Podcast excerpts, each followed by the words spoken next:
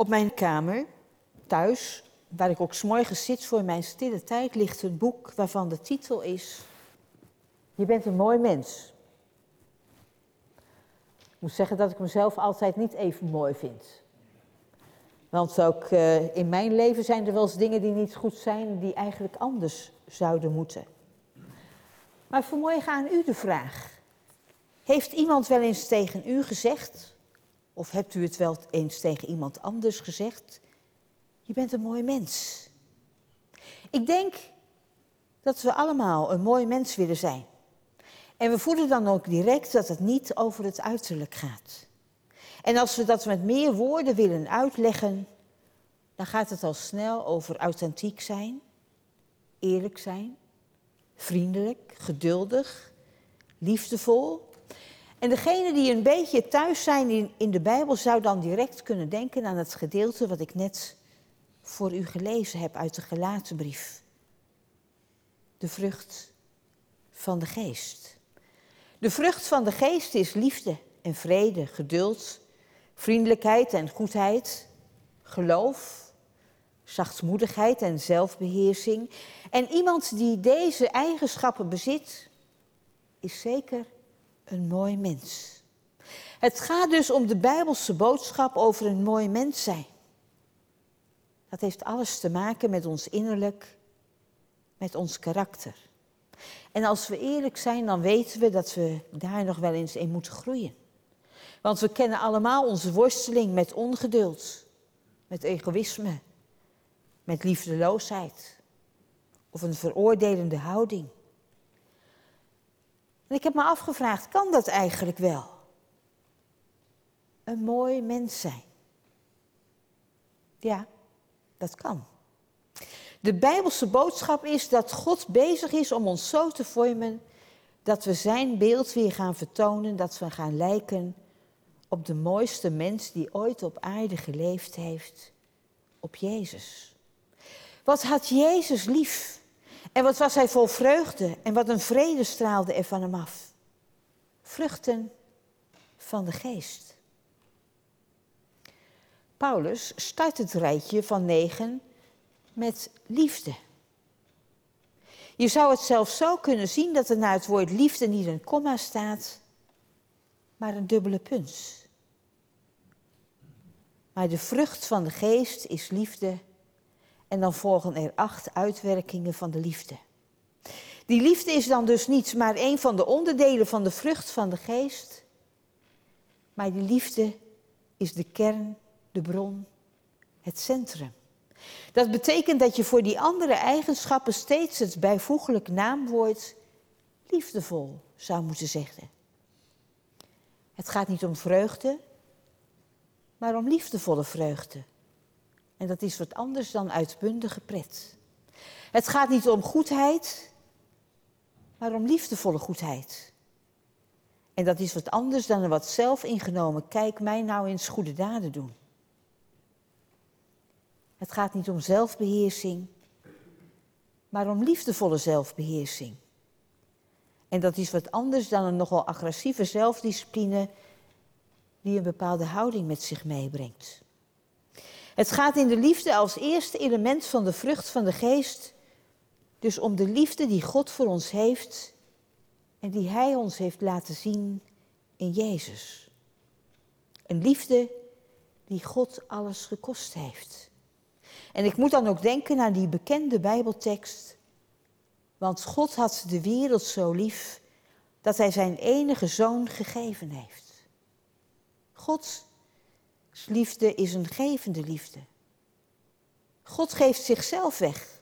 God verloochent zichzelf, kiest voor het lijden omdat Hij zoveel liefde voor ons heeft.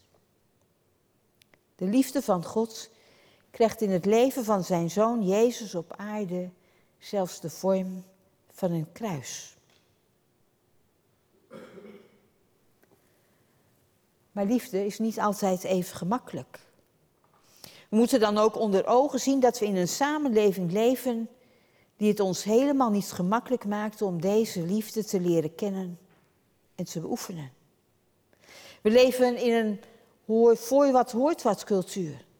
En we bewijzen een ander een dienst als we er iets voor terugkrijgen. Dat kan geld zijn, we werken voor inkomen. Dat kan ook een tegenprestatie zijn. Alles heeft een prijs. Onze maatschappij zit tot in haar diepste vezels zo in elkaar dat ze bij alles geldt, voort wat, hoort wat. En in de markteconomie zoals wij daarin leven, leer je van jongs af aan dat alles te koop is voor een prijs. Kleding, een woning, deskundigheid, kennis en noem maar op. Zo'n maatschappij staat dus heel ver af van het bijbelse concept van liefde. Stel je voor dat God tegen ons zou zeggen, voor wat hoort wat. Ik heb jullie verlost, dus nu moeten jullie dat voor mij doen. Soms denken we als christenen wel zo. We vinden dat we wat terug moeten doen, dat we onze dankbaarheid moeten tonen. En daar lopen we dan vervolgens direct in vast. Want we kunnen nooit genoeg doen. Maar dat heeft dus met die bijbelse liefde niets te maken. God geeft zonder prijs, ja, het kost hem zelfs alles zijn eigen zo. Dat is liefde. De goddelijke liefde die God alles kost. De goddelijke liefde is dus ook gericht op de ander. En als ik heel eerlijk ben, dan is dat soms moeilijk te bevatten in een maatschappij waarin geen verdraagzaamheid meer is. Die voortdurend dingen doet die we niet begrijpen. Als ik het nieuws van de afgelopen weekend weer lees, dan lees ik over de ene steekpartij naar de andere steekpartij. En mensen hebben een kort lontje. Zijn niet meer vervuld van die liefde van God. En wat is het dan moeilijk om in die maatschappij iets van die liefde van God te laten zien. Te laten zien dat je geïnteresseerd bent in de ander. Echt geïnteresseerd. Dat je iets over hebt voor een ander zonder iets terug te verwachten. Vanmorgen hoop ik dat we allemaal zoals we hier zitten een sterk verlangen hebben om die bijbelse liefde te leren kennen. En misschien denkt u wel, ach, je kan het mooi vertellen. Maar ik weet dat het niet altijd mogelijk is. En je hebt gelijk, liefhebben zoals God kost echt alles. Voor mensen onmogelijk. Maar we mogen er dankzij Gods geest wel verder in komen.